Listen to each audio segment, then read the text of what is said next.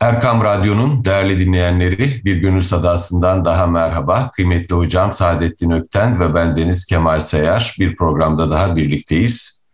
Hocam hoş geldiniz. Hoş bulduk efendim. Bir önceki programda bilim ve teknoloji ilişkisini, İslam dünyasında bilim ve teknolojiyi konuşmaya başlamıştık. Sözümüz güzel bir yerde bitti ama belki sözümüzü devam ettirmek istersiniz. Ee, siz baktığınız zaman e, genelde şöyle bir eleştiri var. Onu, onu e, araya sıkıştırayım. Belki ona da cevap vermek istersiniz. E, kimi yazarlar diyor ki teknolojinin nötr bir ahlakı yoktur. Teknoloji kendi ahlakıyla beraber gelir. Dolayısıyla e, teknolojinin Müslümancası, Hristiyancası olmaz gibi bir eleştirileri var. Buradan da alarak başka neler söylemek istersiniz? Tabii gayet güzel söylüyorlar. Çünkü teknolojinin şu andaki ahlakı modernitenin ahlakıdır. Modernitenin de Hristiyan veya Müslüman ahlakı diye bir ahlakı yoktur. Şimdi teknoloji elimizde bir araç değil mi? Biz teknolojiyi kullanıyoruz. Bu teknolojiyi kullanan insanın bir defa bunu üretirken bir duruşu var, bir iç yapısı var. Yani nereye bakıyor, niçin bunu üretiyor? Ee, ürettikten sonra da ne amaçla kullanacak? Zaten üretirken o amacı onun belli. Dolayısıyla üretileni yani nesneyi, bizim ürettiğimizi insanın varoluşundan bağımsız sayamayız. Ben buradan başlıyorum hadiseye. Yani siz bir bomba üretiyorsanız onun bir amacı vardır. Veya siz bir e, nakil vasıtası üretiyorsanız onun da bir amacı vardır. Siz başka bir alet üretiyorsanız, mesela ilk aklıma gelen bu sanayi devrinin başlangıcında el dokuması yapıyorlar. Bu fevkalade zor bir iş. Mekik, uç, uçan jeni diye bir mekik üretiyorlar. Çabuk e, e, şey yapsın diye, efendim çabuk kumaş dokunsun diye. Böyle başlıyor hadise ve bir anda. E, resim değişiyor.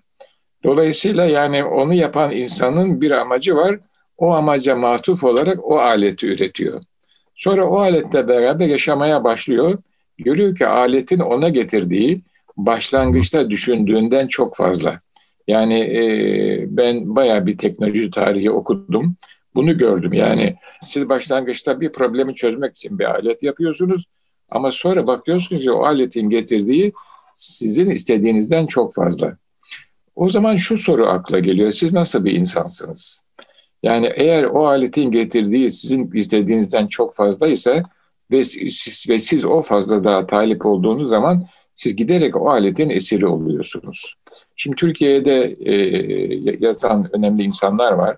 Bunlar e, aynı zamanda Müslüman mütedeyyin camiadan bu hususu çok net belirtiyorlar. Diyorlar ki Batı bugün ürettiği teknolojinin esiri haline gelmiştir. Bu neden? Bu bir gönüllü birliktelik. Çünkü Batı'nın ürettiği alet, modernitenin ürettiği alet, hatta Batı demeyelim isterseniz. Çünkü Batı'nın da safaları var. Modernitenin ürettiği alet ve kendi beklediğinin üstünde, fevkinde ona menfaat sağlamıştır. Peki bu menfaate kabul mü edecek, red mi edecek? Bu menfaatle olan ilişkisi ne?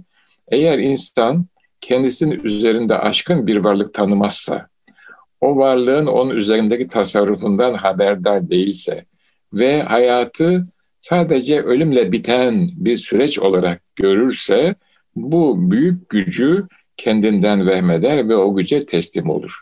Çünkü bu nefsi emmarenin bir zaafıdır. Her nefsi emmarenin zaten hepsi zaaftır A'dan Z'ye. Bu zaaf neticesinde o güce teslim olur ve o güçle beraber e, hayatı domine eder. Sonunda da makina insana galip gelir. Modernitenin sıkıntısı budur.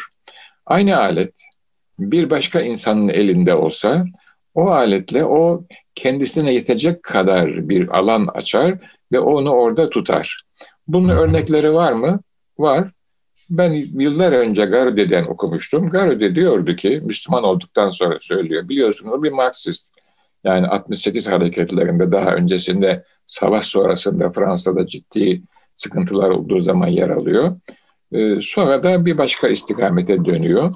Tabii bu savaşları da çok iyi tahlil etmemiz lazım. Me mevzumuz o değil. Diyordu ki e, barutu Çinliler buldular önce.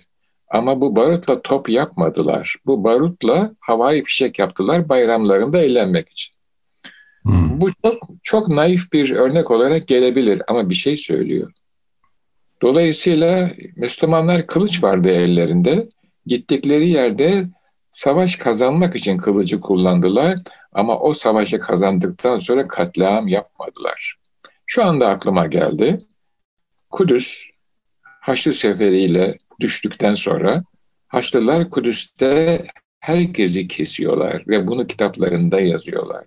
Canlılar, insanlar ve hayvanlar dahil Kudüs sokakları kan gölüne dönüyor. Şimdi Kudüs'ü fethettiniz. Amaç hasıl oldu. Maksat ortaya çıktı. Peki niye? Çünkü size elinizdeki, elinizdeki kılıç o imkanı veriyor. Bu açıdan baktığımız zaman bizim teknolojiyle, teknolojik aletlerle aramızda modernist insanla olan ilişkinin fevkinde daha değişik bir ilişki var. Ondan farklı bir ilişki var aramızda. İnşallah. Yani teknolojiyi yok etmek maksatlı değil de daha hayırhah bir şekilde kullanmak. Evet. El Cezeri'nin tasarımlarına bakıyorsunuz kıymetli hocam. Evet. Hayırlı tasarımlar, yani insanın hayatını kolaylaştıracak tasarımlar. Dolayısıyla teknoloji bizim için kötü bir şey değil.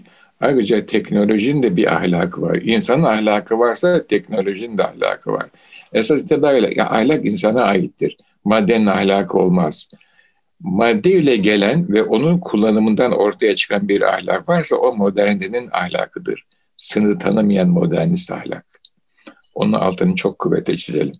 Yani e, bir teknolojik araç üretildiği zaman geldiğinde onun kullanımı size aittir. Sizin donanımınıza göre onu kullanırsınız. Nasıl kullanacaksınız? Nasıl alacaksınız? Bu aynı zamanda şu anda çağımızda çok geçerli olan iletişim teknolojisine de ait bir hadise. Tabii bu toplumsal bir e, ölçekte yapılacak bir mesele. İslam medeniyetinin çok mühim bir e, özelliği devletle beraber var olmasıdır. Çünkü emirleri ve nehir, nehirleri devlet yerine getirir. Bir otorite lazımdır. Hazreti Peygamber'in hayatına baktığımız zaman İslam medeniyeti ne zaman kendisini var etti bir şehirdeki ona biz Medine-i Münevvere diyoruz. Aydınlık şehir, aydınlatılmış şehir. Orada devlet var. Yani bir otorite var. O otorite hakkı söylüyor, hakkı yapıyor ve hakkı çiğneyenleri, ihlal edenleri önce ikaz ediyor. Bu çok mühim bir hadise. Başka dinlerde mesela Hristiyanlıkta böyle bir otorite yok. Kendileri bir otorite uydurmak zorunda kaldılar. Papalık müessesesi kurmak zorunda kaldılar. Çünkü kurmaları lazımdı. Dolayısıyla böyle bir fark var aramızda ve biz o otoriteyle beraber elimizdeki aleti kullanıyoruz. Kılıcı da böyle kullanıyoruz, bombayı da böyle kullanıyoruz. Kalemi de, matbaayı da, cep telefonunda inşallah böyle kullanırız diye burada bağlayalım isterseniz hadiseyi. Biz yani. elemekteyiz. Dünya nimetlerini elemek mecburiyetindeyiz. Dünya nimetleriyle aramızdaki mesafeyi tayin ediyoruz. Çünkü medeniyetin temelini oluşturan kitap ve sünnet bize öyle emrediyor. Bu çok mühim bir ayrımdır yani. Bizim teknolojiyle ilişkimizde. Yok değil, var. Kullanacağız, caydırıcı olacağız, belli problemleri çözeceğiz, çağın gerekleri neyse onu yapacağız ama teknolojiyle aramızda kullanım e, noktasında, istifade noktasında bir hudut var. O hudut kendi nefsimiz değil. Evet. Çok uzun oldu galiba. Had, had bilmek değil mi? Yok esasında. Evet, evet had bilmek. Haddi Bravo. mütecaviz olmamak. Aynen öyle. Aynen öyle. Had bilmek. Yoksa insan fıtratında e, o haddi aşma eğilimi her zaman var. Belki nefs eğitimi, nefs terbiyesi dediğimiz şey de e, had bilmeyi öğrenmek üzerine kurulu. Evet, evet. Çünkü bizim önümüzde biz çok şey yapabiliyoruz ve diğer diğer canlılar gibi yani sadece içgüdüyle donatılmadık. Aklımız var, duygularımız var ve, ve çok e, yönlü bir varlığız biz. Ama bizim de bir haddimiz var. Biz Rab değiliz, biz kuluz. Bizim haddimizi kitap ve sünnet belirlemiş. Hocam teknolojide tabii şöyle bir taraf da var. Ee, insan teknolojiyi yedeğine aldığında e, kendini tanrılaşmış gibi hissediyor. Evet, evet. Yani internet teknolojisi ile bedenlerimizi geride bırakarak zihinlerimizde bütün dünyada bir yolculuğa çıkıyoruz. Veya yine teknoloji sayesinde uzayın derinliklerine gidebiliyoruz. E, bütün bunlar hızlanıyoruz, aşırı hızlı olabiliyoruz. Yani insani zaaflarımızı aşabilen bir kudrete eriştiğimizi düşünüyoruz. Evet. Bu da insana bir güç yanılsaması veriyor. Evet. Teknolojiyle beraber insan artık e, bildiğimiz insan değil, daha farklı bir varlık gibi bir hisse kaptırıyor bize. Evet. Orada had bilmek daha da önemli. Evet. Ama şunu hiç unutmamamız lazım. Yani teknoloji evet bize bir takım kendi aczimizi aşma, yani fiziksel veya düşünsel aczimizi hafıza mesela aşma imkanları veriyor ama o hep verilen imkanlar tabiat kanunları muvaciyesinde ortaya çıkıyor. Peki bu tabiat kanunlarını vaz eden kim? Ve insana bu tabiat kanunlarını keşif kabiliyetini veren kim? Bunu düşündüğümüz zaman yine biz bir büyük gücün bize çizdiği sınırlar içinde kaldığımızı biliyoruz. Tabiat kanunlarını aşmamız mümkün değil. Yeni bir kanun koyamıyoruz. Var olan bir kanunu da ref edemiyoruz. Çünkü o kanunu koyan kaldırır. Nitekim Hazreti İbrahim'i ateşe atar, ateşin yakma hassasını onun için ortadan kaldırabilir. Çünkü o koydu. Böyle baktığımız zaman e, bizim elimizdeki hadise çok farklı bir noktaya geliyor. Yani sınırlanıyor. Halbuki biz onu sınırlanmıyor gibi görüyoruz. İzafidir bizim algılarımız. Çocuğa sorsanız en kuvvetli kimdir? Babamdır der. Neden? Çünkü çocuğun kaldırdığı kuvvet yarım kilo, babasının kaldırdığı kuvvet 15 kilo. Onun için babasıdır. Sonra hani biraz geçince e, ya babam da fena değil filan der. Mark Twain'in meşhur hikayesi. Mark Twain'in evet tabii tabii. tabii. Sonra ne diyor? 40 yaşına gelince keşke ha 20 yaşında diyor ki bırak diyor babam bir şey bildiği yok diyor kuvvetli bir şey de kaldıramıyor zaten diyor. Tabii. Gücü, gücü yok diyor. 40 yaşına gelince keşke babam sağ olsaydı ona sorsaydı diyor. Tabii. evet böyle bir hadise işte yani biz e, ve mesela ben şöyle düşünüyorum. E, ben de bakıyorum e, internete haber okuyorum falan. Sonra Hı-hı. diyorum ki acaba diyorum bu vakti başka bir şey mi sarf etseydim? E, çünkü e, yani vakit... Yüzümüzün vakit, nuruna yazık mı oldu acaba? Evet. Yani vakit kıymetli bir şey ve vakti merhun verilmiş belli bir vakit var size. Ne bir saat an önce ne bir saat sonra bir an sonra o bitmeyecek. Ne e, tehir de edilmez, takdim de edilmez. Peki onu doğru mu e, harcadım diyorum. Tabii şimdi aklıma hemen e, Nur Topu günlerinin kanına girdim, kutsal emaneti yedim bitirdim. Dizeleri geliyor yani. Müthiş, müthiş bir adam yani. Nur Topu günlerinin kanına girdim, kutsal emaneti yedim bitirdim. Zaman ne kadar büyük bir emanet, ne kadar kıymetli bir emanet. Hakkını bilemiyoruz, hakkını veremiyoruz. Bir de bu internet teknolojisinde şöyle bir şey var. Onu ben hem öğrencilerimde hem işte yakınlarımda da müşahede ediyorum. Siz birisinin kurguladığı bir hayali, bir atmosferi, bir dünyayı seyrediyorsunuz. Hı hı. O birisi kurgulamış onu. İşte şimdi metaverse diyorlar, bilmem ne diyorlar filan. Ben de kendi kendime diyorum ki burada da söyleyeyim artık kendi kendime değil. Sen onu bırak da esas onun kurguladığı dünyayı seyret. Evet. Bakalım o ne söylüyor? O Gah dünyayı... çıkarım gökyüzüne seyrederim alemi, gah inerim yeryüzüne seyreder alem beni. Evet, evet. Bakalım o çünkü o kurguladı dünyayı o bizim için kurguladı sadece insan için. Diğer canlıların o dünyadan haberleri yok. O sadece yani yarattığı dünyayı, o güzel dünyayı ki güzelliğini anlatıyor bize. Biz de ondan çok etkileniyoruz. Bir de kader diye bir şey var. Diğer diğer canlılarda da öyle kader bizim gibi yok o kaderleri. E, müthiş ya da bir... farkında değiller yani bir sürü şey. Evet farkında değil. Onlar belli bir süreci bir, değil. bir devri yaşıp dön, gidiyorlar. Yenileri geliyor, yenileri geliyor, yenileri geliyor. Bizim böyle değil ki yani. Biz çok farklı devirler yaşıyoruz. Peki acaba tecelliyat bizi ne murad etti?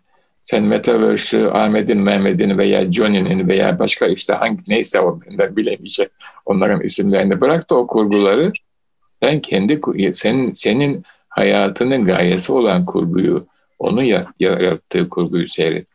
ve o kurgu içinde kurguyu seyret. Bir anda kalbin ne düşecek ona bak diyorum yani. Gözünü, kulağını, gönlünü e, birisinin işte küreselcinin kurgusuna kaptırma diyorum.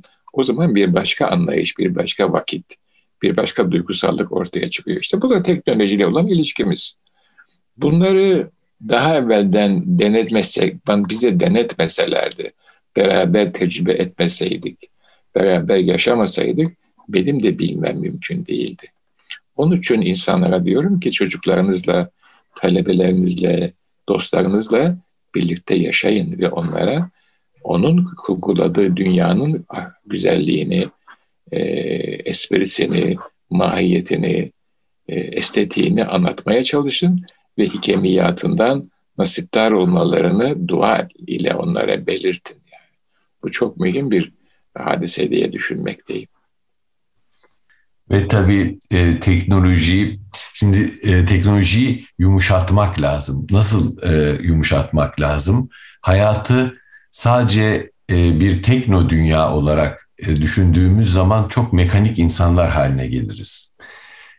Merhum Aliye İzzet Begoviç'in çok hoş bir sözü vardır. Der ki, bilime evet ama sanatın olduğu bir dünyada. Yani kalbin ihtiyaçlarına e, insanı açmak lazım. E, insan sadece aklın unsurlarıyla hareket etmemeli. E, böyle bir dünya bizi evet çok gelişmiş bir dünyaya götürebilir belki. Çok müreffeh olduğumuz, rahat olduğumuz bir dünyaya götürebilir ama ruhun ihtiyaçlarını es geçmiş oluruz. Bağlanma ihtiyacını. Olmayız. Yani tatmin evet. olmuyoruz. Evet. İşte Batı'nın sıkıntısı odur. Tatmin olmuyor. Bir şey eksik diyor. Adını koyamıyor çünkü o kapıyı kapatmış.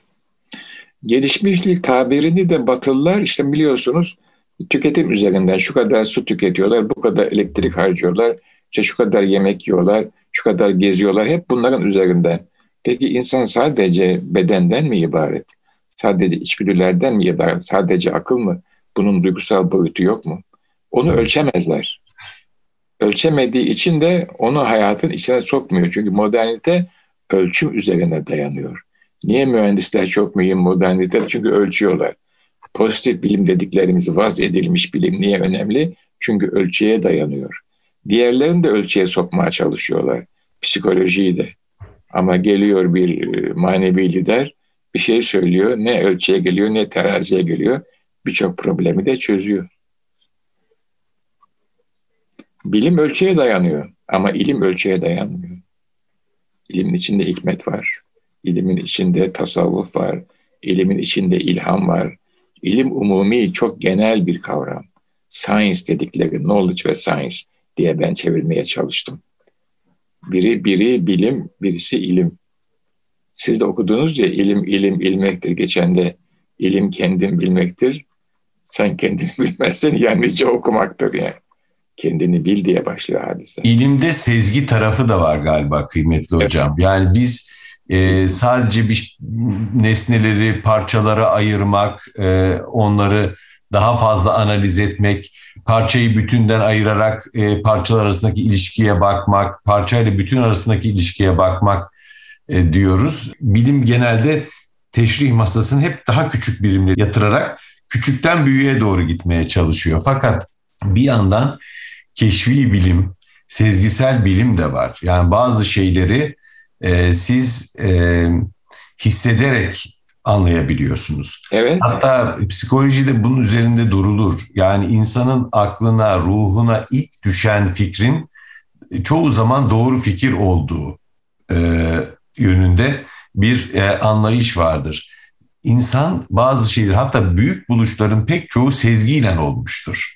Evet. Yani evet. kimya alanında, matematik alanında zihin kendini o kadar ona hazırlıyor ve o kadar aslında o meseleyle yoğrulmaya başlıyor ki bir süre sonra akmaya başlıyor ilhamat. Evet, evet. Hatta bizim dilimizde eski dilde karşılığı var. His kablel vuku. Yani olmadan evvel bir his herkese olur bu. Yani çok basit hadiseler hakkında da olur. İnsanın böyle bir yapısı var. Bu noktada siz bilimsel e, keşifler, icatlar veya işte matematikte, fizikteki vesaire yeni buluşlar E, malum e, Kuhn diye bir adam var. Onun e, işte bilimsel paradigmaların yapısı kitabında da görmüştüm ben. Diyor ki yani e, paradigma değişikliği nasıl olur bunu akıl izah edemiyor diyor yani. Yeni bir keşif, yeni bir anlayış bir anda geliyor. Müslümanca baktığım zaman şunu görüyorum. E, bilginin, ilmin kaynağı kendi ilminden bir kırıntıyı, bir katreyi, bir damlayı e, belli bir cehet içinde olan kuluna yahut da hiç belli bir cehet içinde olmayan bir kuluna çünkü kendi dilediğini zelil ediyor, kendi dilediğine âli kılıyor, kendi dilediğine sağlık veriyor, kendi dilediğine biraz sıkıntı çektiriyor. Bunu kitabında açık açık beyan ediyor kaç yerinde. Bunu da lütfediyor, kerem ediyor. Bu kerem sadece Müslümanlara değil. Çünkü Rahman adıyla bütün insanları yediren, doyuran, besleyen, e, güvende yaşatan o, hayat veren ve ölümün sahibi de o. Bütün insanlar için. İlme böyle baktığınız zaman onun kaynağını görüyorsunuz ve o size daima bir tenni, bir dikkat, bir ihtiyat veriyor. Çünkü malum servetle de insan mağrur olabilir. Fiziksel güçle de mağrur olabilir, ilimle de mağrur olabilir.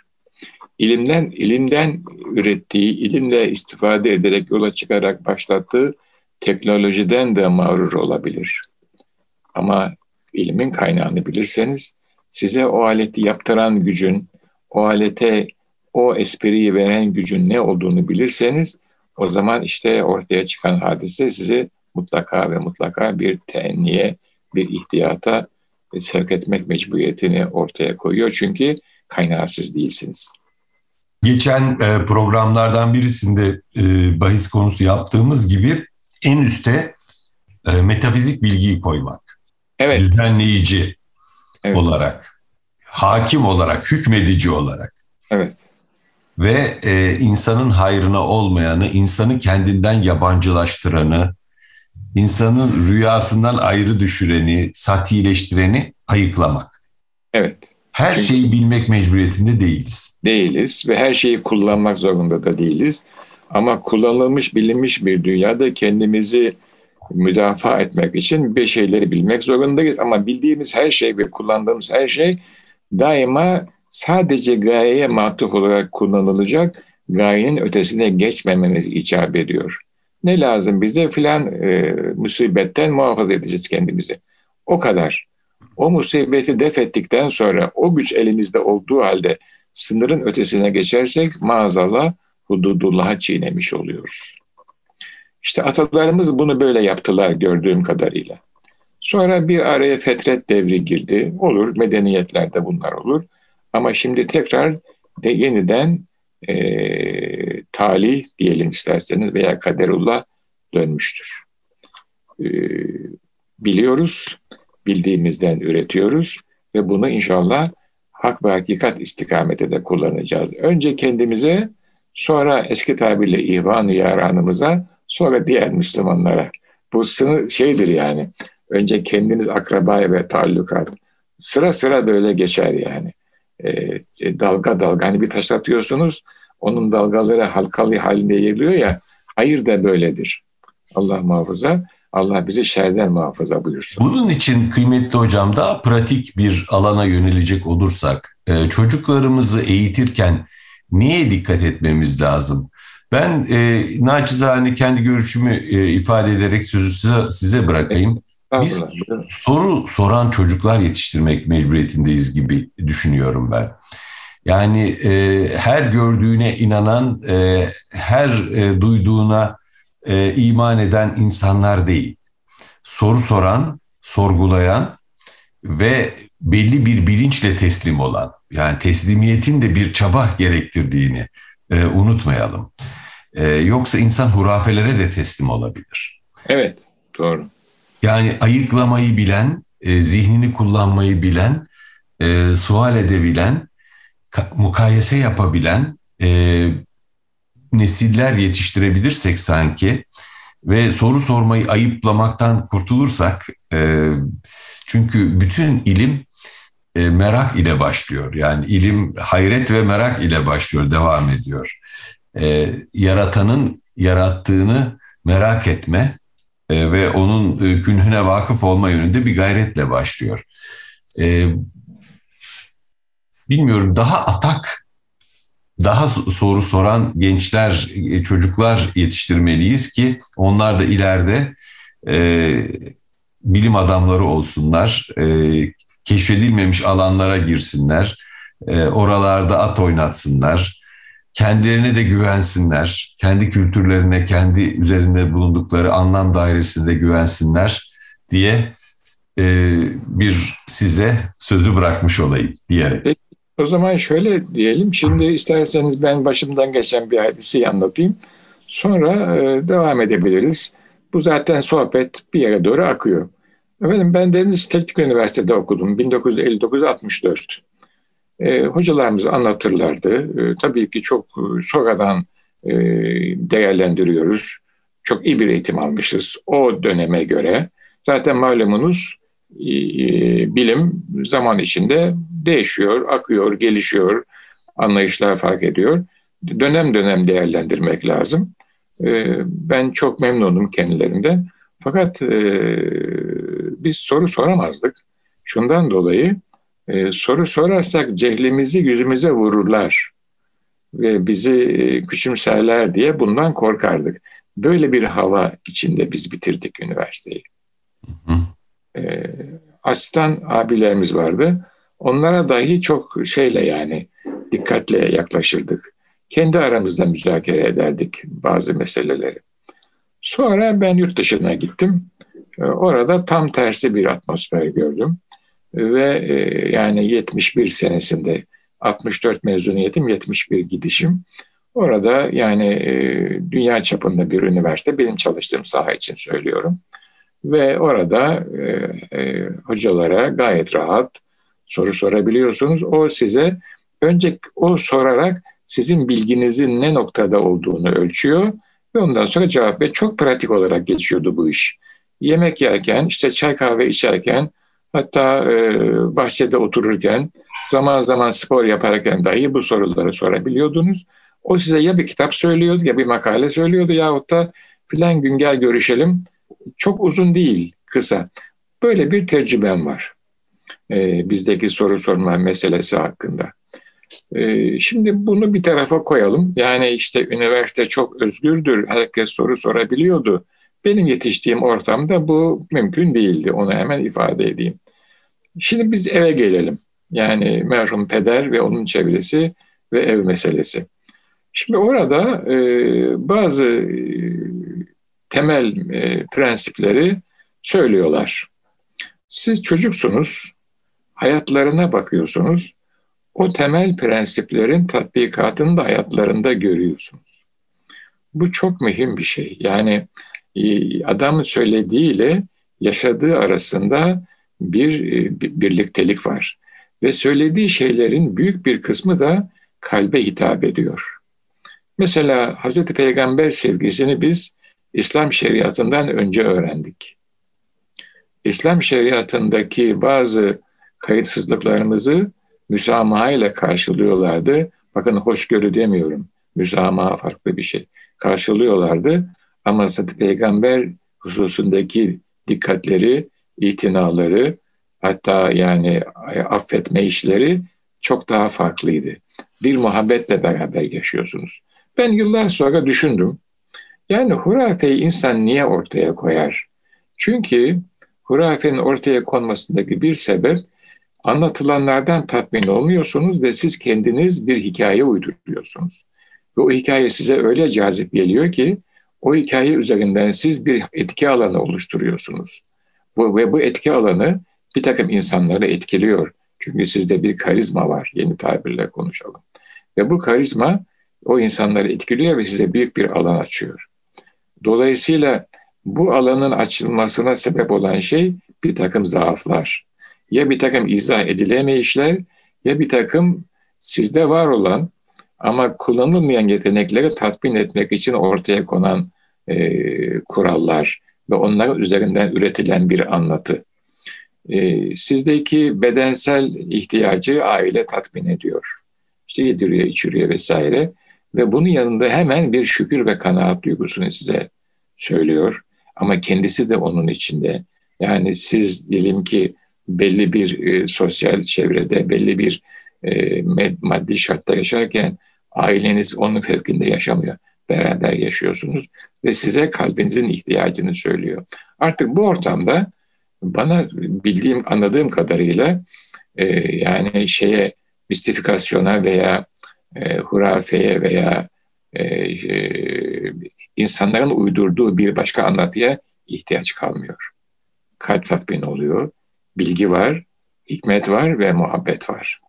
Böyle bir ortamda tabii ki soru sormaya başlıyorsunuz ama o sorularınız giderek anlamlı sorular haline geliyor. Ee, anlamsız sorular zaten kayboluyor e, şeyde. Pardon sesiniz gelmedi yine. E, gerçekten bilme ihtiyacından kaynaklanan sorular evet, oluyor. Evet, evet. Yani bir e, güç çekişmesi, bir bilek güreşi için değil, muarızınızı alt, et, alt etmek için değil, evet. hakikaten bilmek maksadıyla sorulan sorular. Siz bana sormuştunuz zaman birkaç zaman önce siz de ergen oldunuz, pederle aranızda bir güç çekişmesi oldu mu diye. Evet. Yani onu ben reddedemem ama şunu hemen söyleyeyim. Yani peder kendi söylediklerini kendinden rivayet etmiyordu. Resul-i Ekrem sallallahu aleyhi ve sellem hiç ağzından düşmezdi bu. Ve ben bakıyormuşum, tabii şimdi anlıyorum onu ben, o zaman anlamıyorsunuz. Bakıyormuşum ben, söyledikleriyle yaptıkları arasında tabii ki bir e, büyük bir birliktelik var. Eksik yaptığı zaman da zaafını itiraf ediyordu. Allah beni affetsin diyordu. Resulullah inşallah gücenmemişimdir diyordu. Şimdi çocuksunuz. Yaşamayan bir insan nasıl gücenir? Bunu düşünüyorsunuz. Diyorsunuz ki onun bir maneviyatı var. O maneviyat gücenmesin. Üzerimize sayaban oldu diyor mesela onun e, muhabbeti, himmeti, ilmi, irfanı, merhameti. O bizi muhafaza ediyor. E sonra tabii şimdi devam edelim. Onun varisleri var diye devam ediyordu hadise. Onlar kim işte filancı zat. Kitabı var. E sonra filancı o yaşıyor. Bu peygamberin nasıl varisi olur? Yolunda gidiyor. Söylediklerini yapıyor. Onun bazı e, e, hastaları o hazrette halen görünüyor. Şimdi böyle yetişiyorsunuz siz. Ben sonra bunu ilimde de gördüm. Mesela işte filan zatın e, kitabı çok meşhur mekanikte. Onun talebeleri var, onlar yaşıyorlar. O geleneği devam ettiriyorlar. O tabii daha mahdut bir çerçeve içerisinde. Böyle değil, hayatın bütününü kapsıyor. Hayatının bütününü iha- ihate ediyor. Hem e, mutlu zamanlarınızı, sürür anlarınızı, hem kederli anlarınızı. Çocuğun da kederi vardır, çocuğun da mutluluğu vardır, endişeleri vardır, beklentileri vardır. O beklentiler, o umutlar, o endişeler hiçbir zaman ayak altına çiğnenmez. Onlar istikamet gösteriliyor onlara. Onlara istikamet veriliyor. İstikametin de verilmesindeki ana eksen rızayı bari. Yavrum, yavrum senin bu isteğin bakalım Allah'ın rızasına uyuyor mu? Ama büyük de öyle bakıyor hayata. Büyük de kendi hayatını ona göre tanzim ediyor. En azından böyle bir ortam. Şimdi böyle baktığınız zaman tabii ki soru soruyorsunuz. Akıl soru sorar. Hiçbir zaman aklın önüne geçmediler. Ve o, o sorulara kendi bilgileri nispetinde cevap verdiler ama her zaman doğrusunu Allah bilir. Şimdi bir küçük anekdot geldi yerinde yerinde onu anlatalım. Ben bu anekdotu dinlediğimde önce bir tepki gösterdim. Onu da anlatacağım. İtiraflar şimdi burada. Böyle de bağlayalım. Darülfünun'da pederin hocası ilmi kelamda İzmirli İsmail Hakkı Bey. Yeni ilmi kelam ekolünde sahibi. E, Vahdet-i Vücud'u anlatıyor. Bitiyor mevzu. Hoca bağlayacak şimdi. Vahdet-i Vücud'u anlattı işte şöyle geldi böyle gitti inanç şuydu şunlar e, bu istikamete gittiler bunlara itiraz ettiler. Bu şimdi bilim. Şimdi iş iş ilim tarafına geldi. Peder aynen anlatırdı. Vahdeti vücudu ne itikad ederiz ne de inkar ederiz. Meseleyi hakim allam olan Cenab-ı Allah'a havale eyleriz. Yani diyor ki insan aklı, benim aklım diyor hoca, Bunu inkar da etmez, itikat da etmez diyor. Hakimi Allam olan Allah'a havale eyleriz. Ben bu sözü işittim işte 18 yaşlarında filan aklımda kaldı. 30'lu yaşlarda ya böyle ilim mi olur dedim kendi kendime. Bir ilim adamı meseleyi hakimi allam olan Allah'a havale. Sen bir fikrini söylesene bir mübarek adam dedim. Ama 50'li yaşlarda işte ilim böyle olur dedim. Müslüman ilmi böyle olur. Bilmediği yerde ilmin sahibine rücu eder. Benim de bu da benim maceram 30'lu yaşlarda mekanik çok, olarak. Çok güzel aslında kıymetli hocam. Ee, bugünlerde tartışılan bir kavram var müphemliye tahammül diye. Ee, bir Alman şarkiyatçı e, Thomas Bauer İslam e, ilminde müphemliğe tahammülün çok yüksek olduğunu söylüyor. Yani her şeyi belirli konturları e, belirli bir şey haline getirmeye çalışmıyor. Diyor ki yani bir 300 yıl önce, 200 yıl önce İslam ülkelerinde, İslam ilimlerinde müphemliğe tahammül daha fazlaydı. Şimdi modernleşmeyle beraber müphemliğe tahammül azaldı. Daha sert e, ideolojik akımlar çıkmaya başladı. Dünyayı daha böyle köşelerini sivrileştiren akımlar çıkmaya başladı. Bu e, müphemliğe tahammülle ben şunu anlıyorum. İnsan aklının ihata etme kabiliyeti sınırlıdır. Evet. İnsan evet. aklı belli bir yere kadar bir şeylere nüfuz edebilir. Biz kendi sahamız gereği zaten bunu biliyoruz. Yani insan aklında kısa devreler var. Ee, insan e, bir şeye aşinalık kesbediyorsa onu daha çok seviyor. Efendim kendi kabilesinden bulduğunu daha çok seviyor. Ee, zihnimizdeki o kısa devrelere uyduruyoruz pek çok şeyi. Yani kendimize bir pencere açıyoruz ve o pencereden görüyoruz aslında hayatı. Ee, yani bu bakımdan sizin söyledikleriniz yani e, her şeyi biz bilemeyiz e, prensibi çok çok e, kıymetli geldi bana. Çok teşekkür ederim kıymetli tamam. hocam. Bugün epey uzun konuştuk. Eyvallah sağ olun. Başka son olarak ilave edeceğiniz bir şey var mı? Bu kadar efendim. Meseleyi, meseleyi hakim allem olan Cenab-ı Rabbil Alemine havale ediyoruz. Orada, orada söz bitiyor zaten. Orada söz bitiyor. Çok teşekkür ederiz. Gönlünüze bereket. Ee, Erkam Radyo'nun değerli dinleyenleri bir gönül sadasının daha sonuna geldik. Hepinize hayırlı akşamlar diliyoruz.